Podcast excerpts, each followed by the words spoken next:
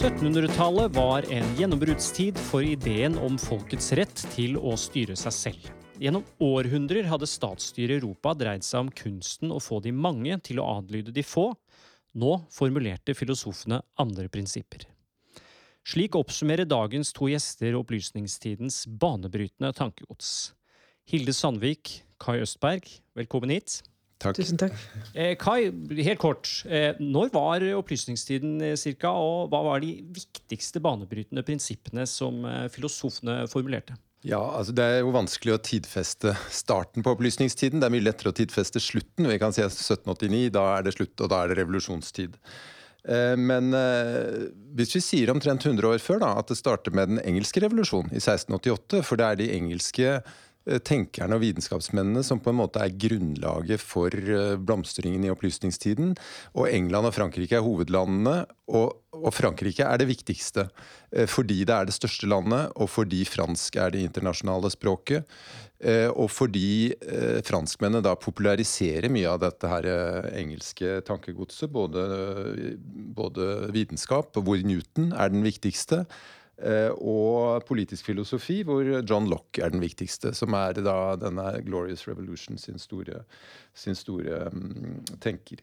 Eh, og Du snakket jo om folkets rett til å styre seg selv som sentralt i opplysningstidens uh, tankegods. Og det er én Eh, strøm i det, en, en, tankestrømning i det. Men det var jo slett ikke alle som var uh, konstitusjonalister eller demokrater. Det var jo mange av opplysningsfilosofene som ønsket seg en sterk kongemakt, som mente at den kunne gjennomføre uh, fornuftens herredømme og, og, og, frigjøre oss fra tradisjonen og og, og, og, den overleverte dumhet, og ikke minst eh, kirkens eh, makt og dogmenes makt.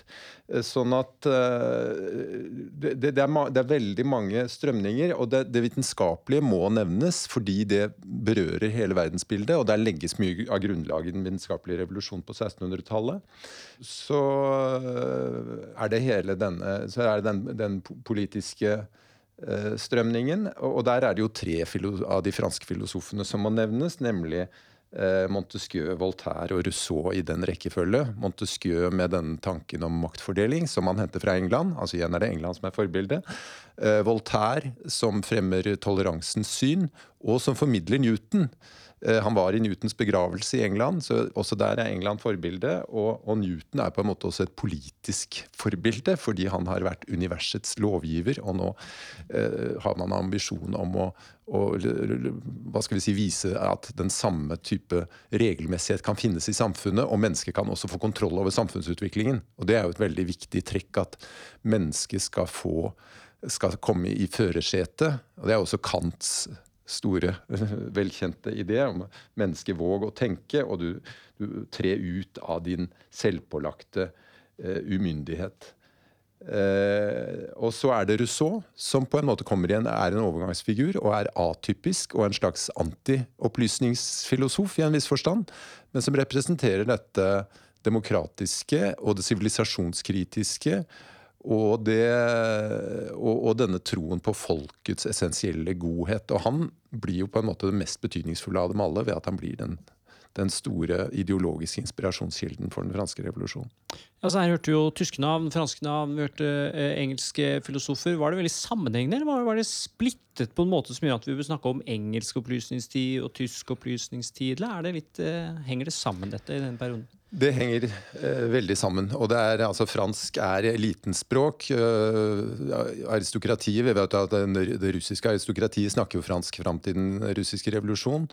Eh, og, og, og, det var veldig mye kommunikasjon. Og det man jo har snakket om, er at uh, opplysningstiden er på en måte formidlingen av 1600-tallets uh, resultater. Altså De går jo veldig videre også i vitenskapelig fremgang, men man bygger ut vitenskapens infrastruktur, og man bygger ut på en måte hele opinionens infrastruktur også. Uh, og her, disse her uh, kaffehusene og akademiene og klubbene og alt dette her som på en måte gjør at man får et sivilsamfunn, det er også internasjonale organer. og de Og det overs, ting oversettes jo også. Og det er jo når ting oversettes til fransk at det virkelig blir internasjonalt kjent, men ting oversettes også til nasjonalspråkene. Men vi skulle snakke kort om dette. vi skal snakke kort. Det var veldig fint. Eh, Hilde, hvis vi beveger oss til Norge, som da var under Danmark-Norge. Eh, når og hvordan kom opplysningstiden til Norge? Ja, Hvis jeg tar utgangspunkt i det Kai nettopp nevnte om at det er litt vanskelig å tidfeste opplysningstiden, så kan en kanskje si at nettopp um, på det juridiske området så skjedde viktige ting på 1600-tallet. Uh, et oppgjør med, med, fordommer, vanetenkning, en mer kritisk bevisvurdering, var f.eks. veldig viktig for å få slutt på hekseprosessene. Det skjer både i Danmark og Norge som en, sånn, eh, en endring i måter å vurdere bevis på. Og Holberg, som jo da er en opplysningsmann også på sin måte, han tar også opp liksom, fordommer og vaner og går til felts mot dem med liksom, fornuften som sitt redskap. Og mye av det samme liksom, at uh, Gud har gitt oss to bøker. Det ene er Bibelen, men det andre er naturen. Så vi kan liksom, studere naturen for å finne ut hva, hva, ja, hva som er meningen, og hva som egentlig er prinsippene. Det, der vil han være en som kan plasseres inn. da. Um, som en som formidler, eller prøver å formidle mange ting. Men jeg er veldig enig i, med Kai også i det han nevner med at uh, slettest ikke alle av disse her vil da være demokrater eller ser veldig positivt på hva som bor i folket. Det er fornuften og prinsipper som av og til kommer ovenifra, som de da vil nettopp ønske å liksom opplyse med. Mm. Og dette er jo også en periode hvor mange historikere mener med god grunn at avstanden mellom folkekultur og og elitekultur øker, mens det tidligere hadde vært sånn at uh, eliten deltok i folkets karneval og på Shakespeares uh, At tilhøreren på, uh, til Shakespeares skuespill på hans tid, de var i alle sosiale lag, så er det nå at de, de skiller mer lag. Også fordi den økonomiske utviklingen er positiv. På, på 1700-tallet så blir det stor befolkningsvekst, og den, øh, fruktene av den fremgangen tilfaller eliten i stor grad. Og det blir jo et fattigdomsproblem, og det bidrar også til å til å aksentuere denne avstanden. Så man, I den forstand kan man si at det er snakk om parallelle verdener som ikke kjenner noe særlig til hverandre, på en måte. En, en fransk aristokrat vet mye mer om sine standsfeller og har mye mer til felles med dem i andre land enn de har med, med de som bor uh, 100 meter unna. Mm. Samtidig som det er helt klare opplysningsprosjekt som er retta mot folket også, hvordan de bør oppføre seg. Og når du spør om hvordan opplysningstiden kommer til eh, Norge, eller ja, hvis jeg spør, tar Norge, så har man jo nettopp slike mm, opplysningsprosjekt med Det kongelige norske vitenskapers selskap i Trondheim. Som har sine prisoppgaver, hvor de nettopp vil få bønder til å å dyrke jorda på en mer fornuftig måte. Grøfte, steinmurte fjøs, slik at man tar vare på møkka fordi at det er fornuftig. og sånt. Så det er, det er fornuft på en sånn veldig mm, praktisk måte også som formidles, samtidig med at det er en, en større forstand på hvordan ja, eh, naturen henger sammen. Da. Mm. Disse potetprestene de er jo Det høres ut som et sånt tullebegrep, men det er jo faktisk ganske alvorlig, dette å, å virkelig engasjere seg i hvordan øke produktiviteten og ta i bruk en ny vekst som for øvrig var kommet fra Amerika. Og, og de store oppdagelsene er jo også en del av uh, horisonten for opplysningstiden, for man får en annen Man får så mange impulser, så man begynner å sette spørsmålstegn ved, ved sitt eget samfunn. Men man får altså poteten inn.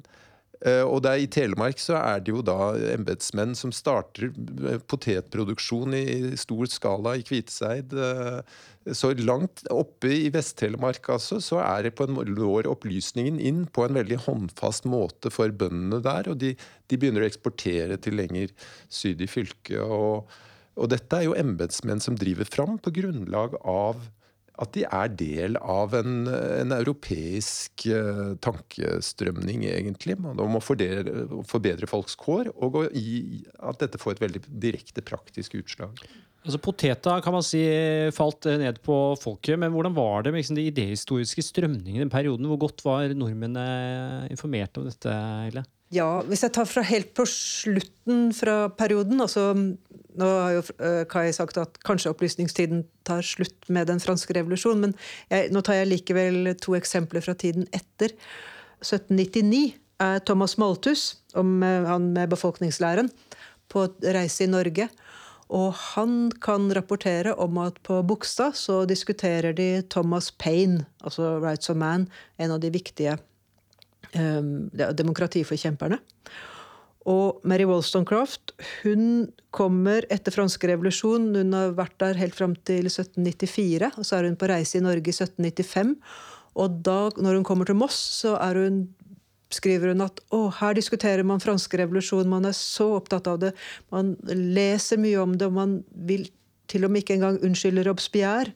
Uh, så der, ja, der er de veldig så klart informert om det som foregår i forbindelse med de store revolusjonene. Men før den tid så kan en si at en mann som biskopen i Bergen, f.eks., som ja, er verdt å nevne her, Tom, eller som er Pontoppidan, han er interessant fordi han begynner et magasin, er redaktør for et magasin som heter Danmark-Norges økonomiske magasin. Og i det, som da er på 1750-tallet og 1760-tallet, så trykkes det nettopp mange slike opplysningstekster. Og det oppfordres å trykke opplysningstekster. Så det er en sånn veldig sånn, eh, direkte formidling. Men igjen, da. Eh, om det når folket eh, Man vet jo at Danmark-Norges økonomiske magasin er typisk for tidsskriftene på den tida.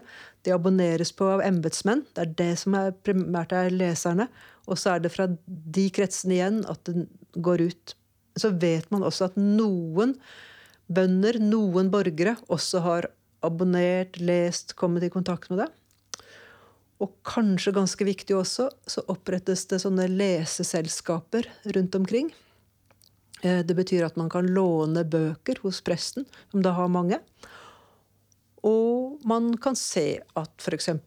langt oppe i Ålen, altså en lita bygd nord for Røros, så driver de og leser om eh, ja, De leser om Struense i aviser. De vet om ting som har skjedd i Danmark. De, de vet om eh, framstillinger av himmellegenes bevegelser som er vist på et, eh, i Leiden. Altså, det er eh, ganske utrolig hvordan sånn nyvinninger og tekniske ting likevel kan nå ut, da, om man har eksempler på det. Men filtrert via embetsmennene, tror jeg jeg vil si. Eh, ja, eh, Hilde har selvfølgelig helt rett i å trekke fram eksempler fra fransk revolusjonstid. For det når jeg sier at det er slutten på opplysningstiden, så er det jo fordi revolusjonen omtales som en egen periode. Men det er jo på en måte realiseringen av den virkelig. Å føre de politiske ideene ut i livet, og også de rasjonalistiske ideene. Altså, med revolusjonen så er det jo virkelig fornuften som skal tegne kartet på nytt i Frankrike. Altså, de deler jo opp i 100 departementer med så og så lang avstand til departementshovedstaden, og de skal eh, innføre mål og vekt, de innfører metersystemet, brudd med det gamle mangfoldet, ikke sant, alt dette her. Så, så sånn sett så er det helt eh, på, på, sin plass. Men, men, til det Hilde sier om, hvordan det når ned i folket, så er det jo verdt å nevne dette at uh, man på europeisk plan jo snakker om en leserevolusjon, som også gjelder eh, i, i, Norge. Og det er ikke bare det at det produseres mye mer litteratur og mer sekulær litteratur. Ikke lenger bare bønnebøker og, og, og sånne postiller, som det heter, men, men, også naturvitenskap og politisk filosofi og all mulig. Også romankunsten kommer jo som, som dreier seg om vanlige mennesker. Der kommer folket inn også. Eh, en av 1700-tallets mest leste bøker er 'Pamela' av Samuel Richardson, som dreier seg om en, det er vel en tjenestepike? Ja, 14 år gammel ja. når hun kommer. Prøver å bli, prøvde ja. å bli forført av en lord. Ja. og hun klarer å motstå det. Og det er en brevroman hvor hun skriver sine brev til foreldrene. Og denne ble trykt i utdrag i norske intelligenssedler produsert i Kristiania. Eh, så alle kunne følge med på den. Mm. Og den leserevolusjonen den innebærer, eh, som jeg var inne på i sted, en større det er mer tekst, men det er en større avstand til teksten og et annet forhold til den. Altså at man begynner å lese på en mindre respektfull måte.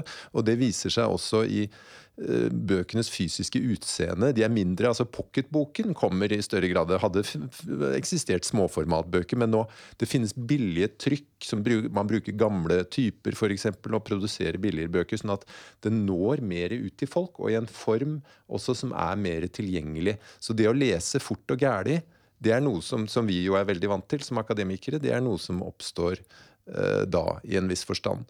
Og så er det jo innholdet, da, at det blir mer respektløst. Altså en viktig sjanger for å formidle politisk kritikk i Frankrike er jo politisk pornografi. Det er å, å framvise aristokrati og kongemakt som forsoffende syfilitikere og perverse, og med illustrasjoner til dels. Dette er jo faktisk, Det er veldig mye rettet mot Marie Antoinette, og det er inspirert av hoffkretser. Så, sånn sett er det en illustrasjon på sannheten i innholdet. At dette er virkelig perverterte livsformer. Da, for dette er et, et, resultat av hoffintriger til dels, hvor, som, som, gjør at de, de, de uh, gir næring til dette her. Men dette er jo noe folket suger til seg også, som er en del av det man snakker om som desakraliseringen av kongemakten, som er viktig grunnlag for den franske revolusjonen, og som jo får sin betydning også i Norge det, eh, og i Danmark-Norge. Eh, man snakker jo så mye om denne lojaliteten til kongen, men den, den begynner å, å, miste fundamentet, egentlig. Mm, mm. Bare viktig parallell. Um, Luther gjorde jo det samme med Sjøgen i, Babel, nei, Sjøgen i, i Roma, som var uh, paven. Som, hvor man tidligere hadde virkelig dratt ned pres, både presteskap og munker og nonner og, og, pavemakt. Så det der er en kjent uh, taktikk, nær sagt. Strategi. Å anklage dem for uh, velystighet og vellevned og perversiteter. Mm. Kai, du har beskrevet eh, det danske eneveldestyret som et av Europas eh, best gjennomførte eh, enevelder. Hvordan tok et såpass topp, topptung statsdanse hvordan forholdt den seg til disse ideene fra, fra opplysningstiden? Altså, I Danmark-Norge så har man jo, dyrker man jo den forestillinga at hos oss så er det jo allerede alt gjennomført. Så man hilser jo revolusjonen velkommen. Uh, og Norden blir jo til dels eh, fremholdt som et fyrtårn i forskjellige sammenhenger. Både Gustav 3. og Struense får jo gratulasjoner fra de franske opplysningsfilosofene. Nå med, med, I begge tilfeller så er det jo voldsomme tilbakeslag, da, omtrent på samme tid.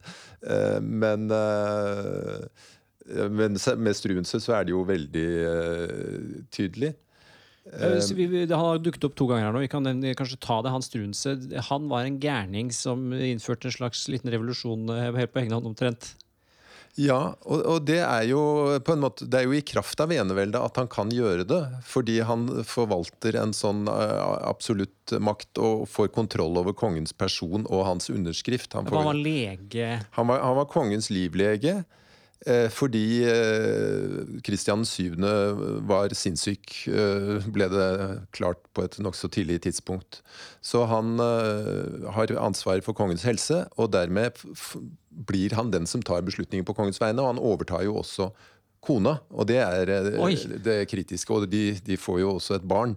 så dette er jo en helt ufattelig historie som, som må ende galt, selvfølgelig. Eh, hvor, er, bare, hvor er, vi nå? Det er 1770 til 72, dette er. Ja. Så det er et par år han, eh, han, blir sittende før han da blir eh, styrtet ved en hoffintrige og de, de reaksjonære kreftene overtar, fram til 1784, hvor det blir et nytt kupp hvor kronprins Fredrik kommer ved makten. Og da er det på en måte en ny, en ny blomstringstid. Ja, du nevnte jo også Struens her i sted. Hva slags reformer var det han prøvde seg på disse to-tre årene hvor han satt? Det som nok er det øh, som virkelig gjør at han faller, er jo bl.a. at han prøver å regulere hoveri og, og leilendingenes kår i Danmark. Altså deres pliktarbeid for godseierne. Det tåler ikke danske godseiere. Men han innfører også lik arverett for øh, barn.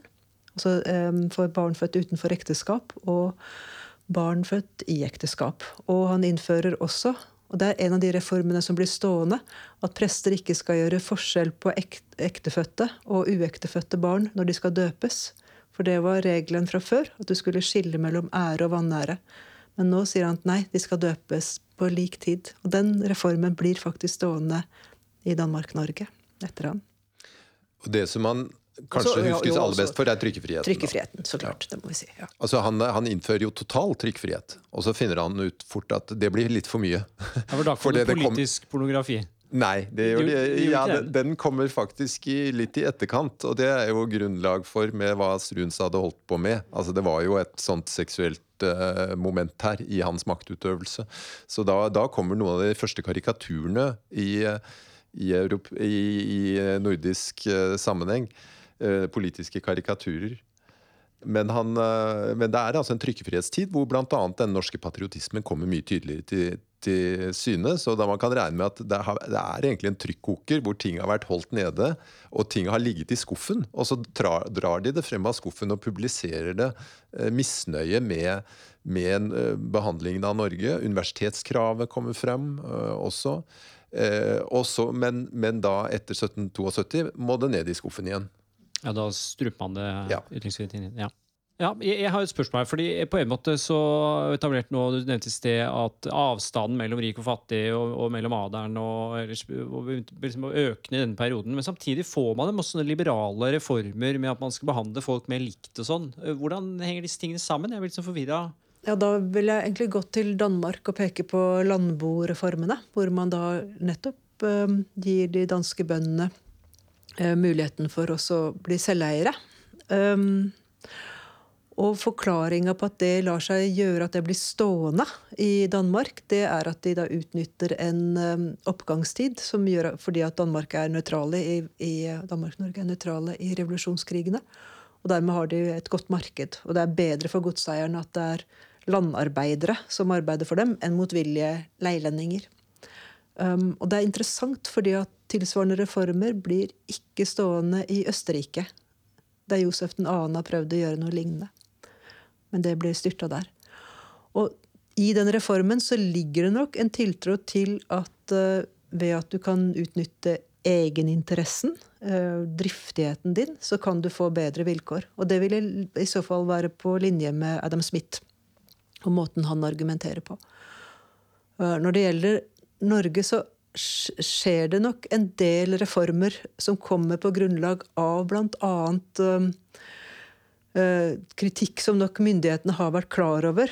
Um, det med at embetsmenn tar høye, altfor høye avgifter på sine embetsgjerninger, har vært kjent, og de har arbeidet med det lenge. Det er ett av ankepunktene under Lofthus-reisinga i, i Telemark og Agder. Men, men i 1786 og 87. Men eh, den sportelreglementet som f.eks.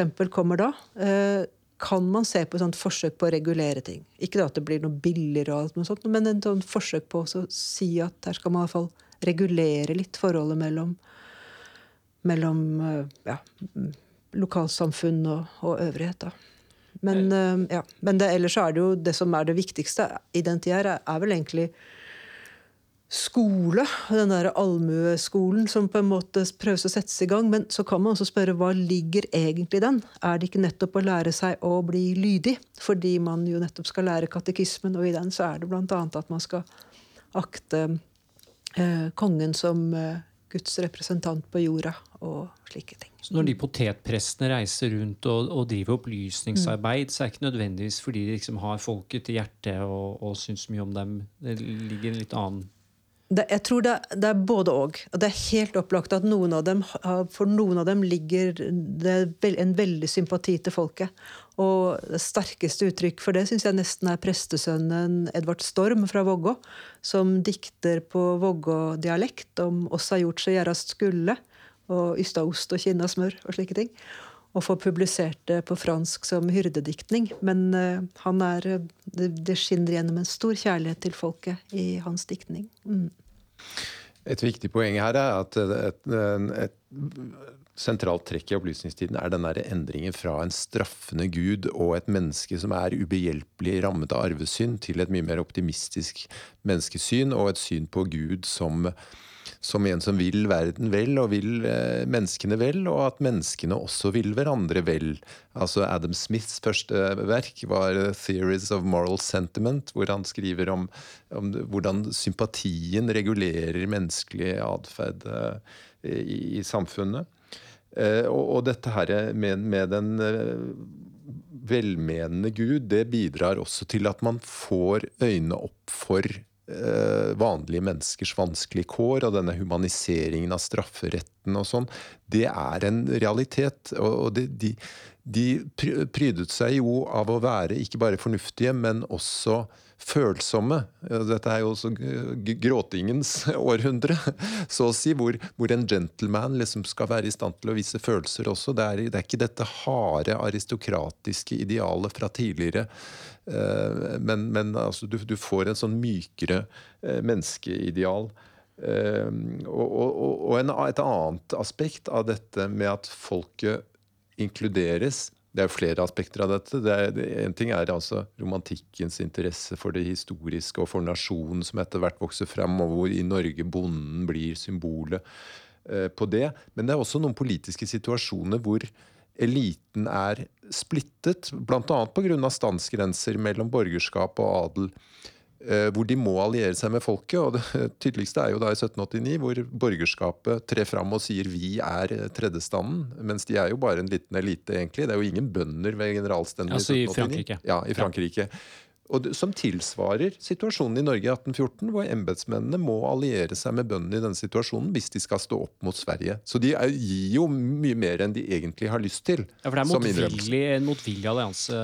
Ja, men det er både òg. For de blir jo grepet av sin egen retorikk også. Og det, og det er jo også genuint uh, en, en sympati hos mange her, men også en dyp skepsis som man kan forstå, ikke minst etter den franske revolusjonen, hvor du ser altså Eh, en del brutalitet kommer til uttrykk, eh, og, og hvor det liksom virker som, som, det er nødvendig å hva skal vi si, bremse opp og gjøre tingene mer gradvis. og kan du si Det er det man lykkes med i Norge. da. Man, man får jo ikke noen revolusjon i, i, i Norge i, som følge av opplysningstiden. Man får denne uavhengighetskampen, men det er jo ikke en revolusjon. Det er ikke noe sosial revolusjon i det hele tatt, som, mm. som man har i Frankrike.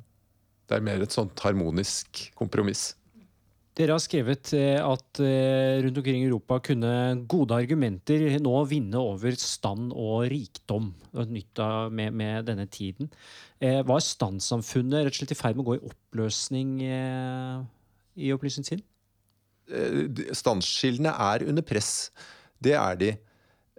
Men altså, for å gjenoppta Frankrike som eksempel, så er, så er det jo den primære sosiale ambisjonen til enhver vellykket borger er å skaffe seg adelskap. i utgangspunktet. Problemet er at adgangen blir eh, sperret fordi aristokratiet lukker seg og ønsker å trekke opp stigene etter seg. Og når tilstrekkelig mange opplever da at de, de stanger mot et tak og blir møtt med forakt istedenfor anerkjennelse, så reagerer de med å forkaste hele systemet. Og, og da mer vender seg mot uh, likhetsideen og, og allierer seg med folket. Eh, og Det ser vi også i disse kaffehusene. Mindre der, men altså sånn akademiene, frimurerlosjene, disse arenaene vi snakket om sist. Der, og ikke minst i salongene, det sosiale hierarki gjenskapes der også til dels forsterkes. Og det er jo en del nyere forskning som har understreket at dette, i hvert fall for salongenes del, dette var slett ikke en arena for standsutjevning, men tvert imot for modernisering av de aristokratiske idealene, så å si, og gjøre det mulig for dem å overleve inn i det 18. århundre. Men uh, samtidig så var det en del av disse arenaene som uh, helt klart uh, muliggjorde en større standsblanding, og de hadde jo, mange av dem, et ideal om dette. Det er det som er det viktige, viktigste kanskje med Habermas, at han beskriver et ideal som var reelt i samtiden. Ikke en sosial realitet så mye som en mental, et mentalt ideal. Da, hva, hva, var dette idealet? Nei, Om at det beste argument skal vinne. Ja. Eh, og at det skal ikke være den som sier det, men hva som sies som er det avgjørende. Og derfor er Det jo, det er jo en av grunnene til at man forsvarer anonymiteten i trykkefrihetssammenheng. Mm. Var det noe salongkultur i, i Norge? uh, nei, vi må nok, det er vanskelig å si det. Man, altså, på 1800-tallet, tidlig 1800-tall um, Katrine Kølle lagde en salong i Hardanger med bønder og seg selv og noen, ja, søstrene sine, tror jeg. Men uh, vi har nok ikke samme kultur da, for det. Men det fins forsøk Uh, mor Koren, altså Christiane Koren, sorenskrivenfruen på Ullesaker, hun hadde en slik salong, en slags virtuell salong med betydelige mennesker. For definisjonen på en salong er jo også at det skal komme betydelige mennesker der. Og de, Det var ikke alltid de møttes, men de holdt kontakt via brev og skrifter som de sirkulerte. da. Og så fins det jo andre som skriver og tar del i den typen Eller prøver å lage den typen virtuelle salonger ved å etablere tidsskrifter. Eller så er det viktig da, at jeg tror folk har vært litt redd for å kanskje uh, lage foreninger også på den tida. Det fins dramatiske selskap hvor de har spilt teater, men om de liksom har tenkt at de kunne ytre seg helt fritt når de da hadde um, utsendinger fra fra, fra København til stede som ikke kunne rapportere at de ville danse ut eh, med egalité, altså likt, og ikke etter, etter, etter en på forhånd trukket rekkefølge. Det var eh, Det er jo Da er de ganske skeptiske til ja, ja. hva som blir overvåka. Eh, Selvsensur ja. ville kanskje være et det var mange kvinnenavn som dukket opp her eh, med, med, disse salongene. Er det tre kvinner frem i eh, samfunnet på en litt ny måte i den perioden? Jeg hadde lyst til å lese et lite dikt. Går det? Det må du gjerne gjøre. Eh, fordi det, alle har hørt om Det Norske Selskap. og Jeg tok ikke det fram, fordi det er jo da i København. Og det er jo når man er i diaspora. Da tenker man på hvor fint det er i Norge. da. Men det finnes én der som eh, skriver et veldig vakkert uh, dikt. Magdalene Sofie Buch-Holm. Og uh, apropos feminisme, så skriver hun dette i diktet til min datter. Det er utgitt av Poesier i 1793. Du fødes til det svake kjønn, akk svakt, til lett vårt hjerte bløder, når Kold den sterke Adams sønn kan overse den sorg han møter, og når den feil som han bedrev ved vanens hevdet ei ble regnet, da om du gled, ditt feiltrinn blev, med evig hån av rykte tegnet. Så, og det kommer masse andre advarsler til henne. Og det er et veldig interessant dikt å holde sammen det med f.eks. Holbergs eh, Stille Hansdotter, forsvarsskrift for kvinnekjønnet fra 1720-åra. Så nei, det er veldig mye interessant poesi som også dreier seg om uh, ja, nettopp vanens makt kontra fornuften, da, som tilsier at de begge to har fått evner og burde få lov også, også kunne utfolde seg likt. Mm. Hvordan var det med skolegang i denne perioden? Var det eh, mange år og sånn gikk det på, og Var det sidestilt for eh, kvinner og menn? Ja, det, ja lik, eh, lik, plikt til å gå, stå til konfirmasjon. Slik at både jenter og gutter skulle følge konfirmasjonsundervisninga. Og den begynner som en slags leseopplæring fra du er sju år. Men det er ikke noen fastskoler i Norge. slik at skoler det er hjemme hos folk. Og da er det omgangsskolelærere som blir ansatt. Og de går rundt fra gård til gård og har skole noen ukers tid. Slik at kanskje noen måneders skolegang er det du får før du står til konfirmasjon. Da skal du ha lært å lese, og du skal kunne svare på prestens innvikla spørsmål om troen. Eh, Mye hjemlekser, da? Mye hjemlekser. Ja. Og, og du, du, kan ikke gifte deg eksempel, før du har stått til konfirmasjon. Så det er veldig alvorlig, dette her. Men øh, utover det så er det bare i Trondheim at de har en realskole hvor både jenter og gutter har mulighet til å gå. Ellers er det latinskole for veldig begavede gutter i byene. Og så klart ingen adgang til universitet og sånt noe for jenter.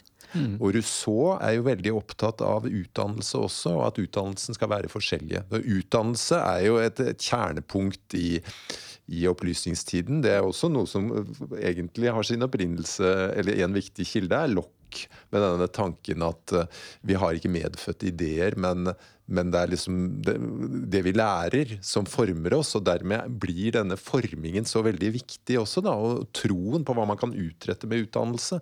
Men altså en utdannelse som skal være forskjellig for kvinner og menn, ifølge Rousseau. Men er det en tro på at eh, folk flest også kan lære de fleste ideer? Ja, det ligger også i lokk. Det at fornuften er noe som øh, gjør oss like, fordi vi alle har fornuft. Øh, så i prinsippet så kan alle øh, nå opp, men samtidig så er det jo en, en tanke om at ulikhet og fattigdom har det alltid vært, og det vil det alltid være. Og, og, fritenkeren, eller hva skal vi si, religionskritikeren Voltaire sier jo at 'jeg vil at min tjener, min kone og min skredder skal tro på Gud', så blir jeg mindre svindlet og mindre bedratt. Eh, så holder de seg på plass. Mens Mary Wollstonecraft gjør grundig narr av Rousseau for den derre eh, mangelen på konsekvens eh, når det gjelder opp, ja, oppdragelse og utdanning og mener at både eh, gutter og jenter bør få adgang til å bruke de evnene som de av, naturen har fått.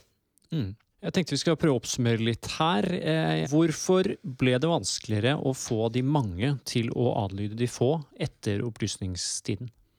Eh, jeg vil vel si at den franske revolusjonen er det korte svaret, fordi der har der har man virkelig sett et eksempel på, i eh, det mest eh, Det viktigste landet i Europa, at folket opptrer som politisk aktør helt på egen hånd. Og dermed Det er jo noe å bli demonstrert hva er mulig.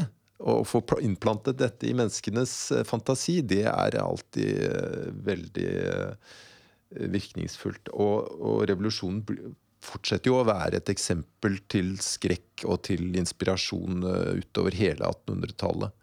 Ja, hvorfor ble det vanskelig, Lille?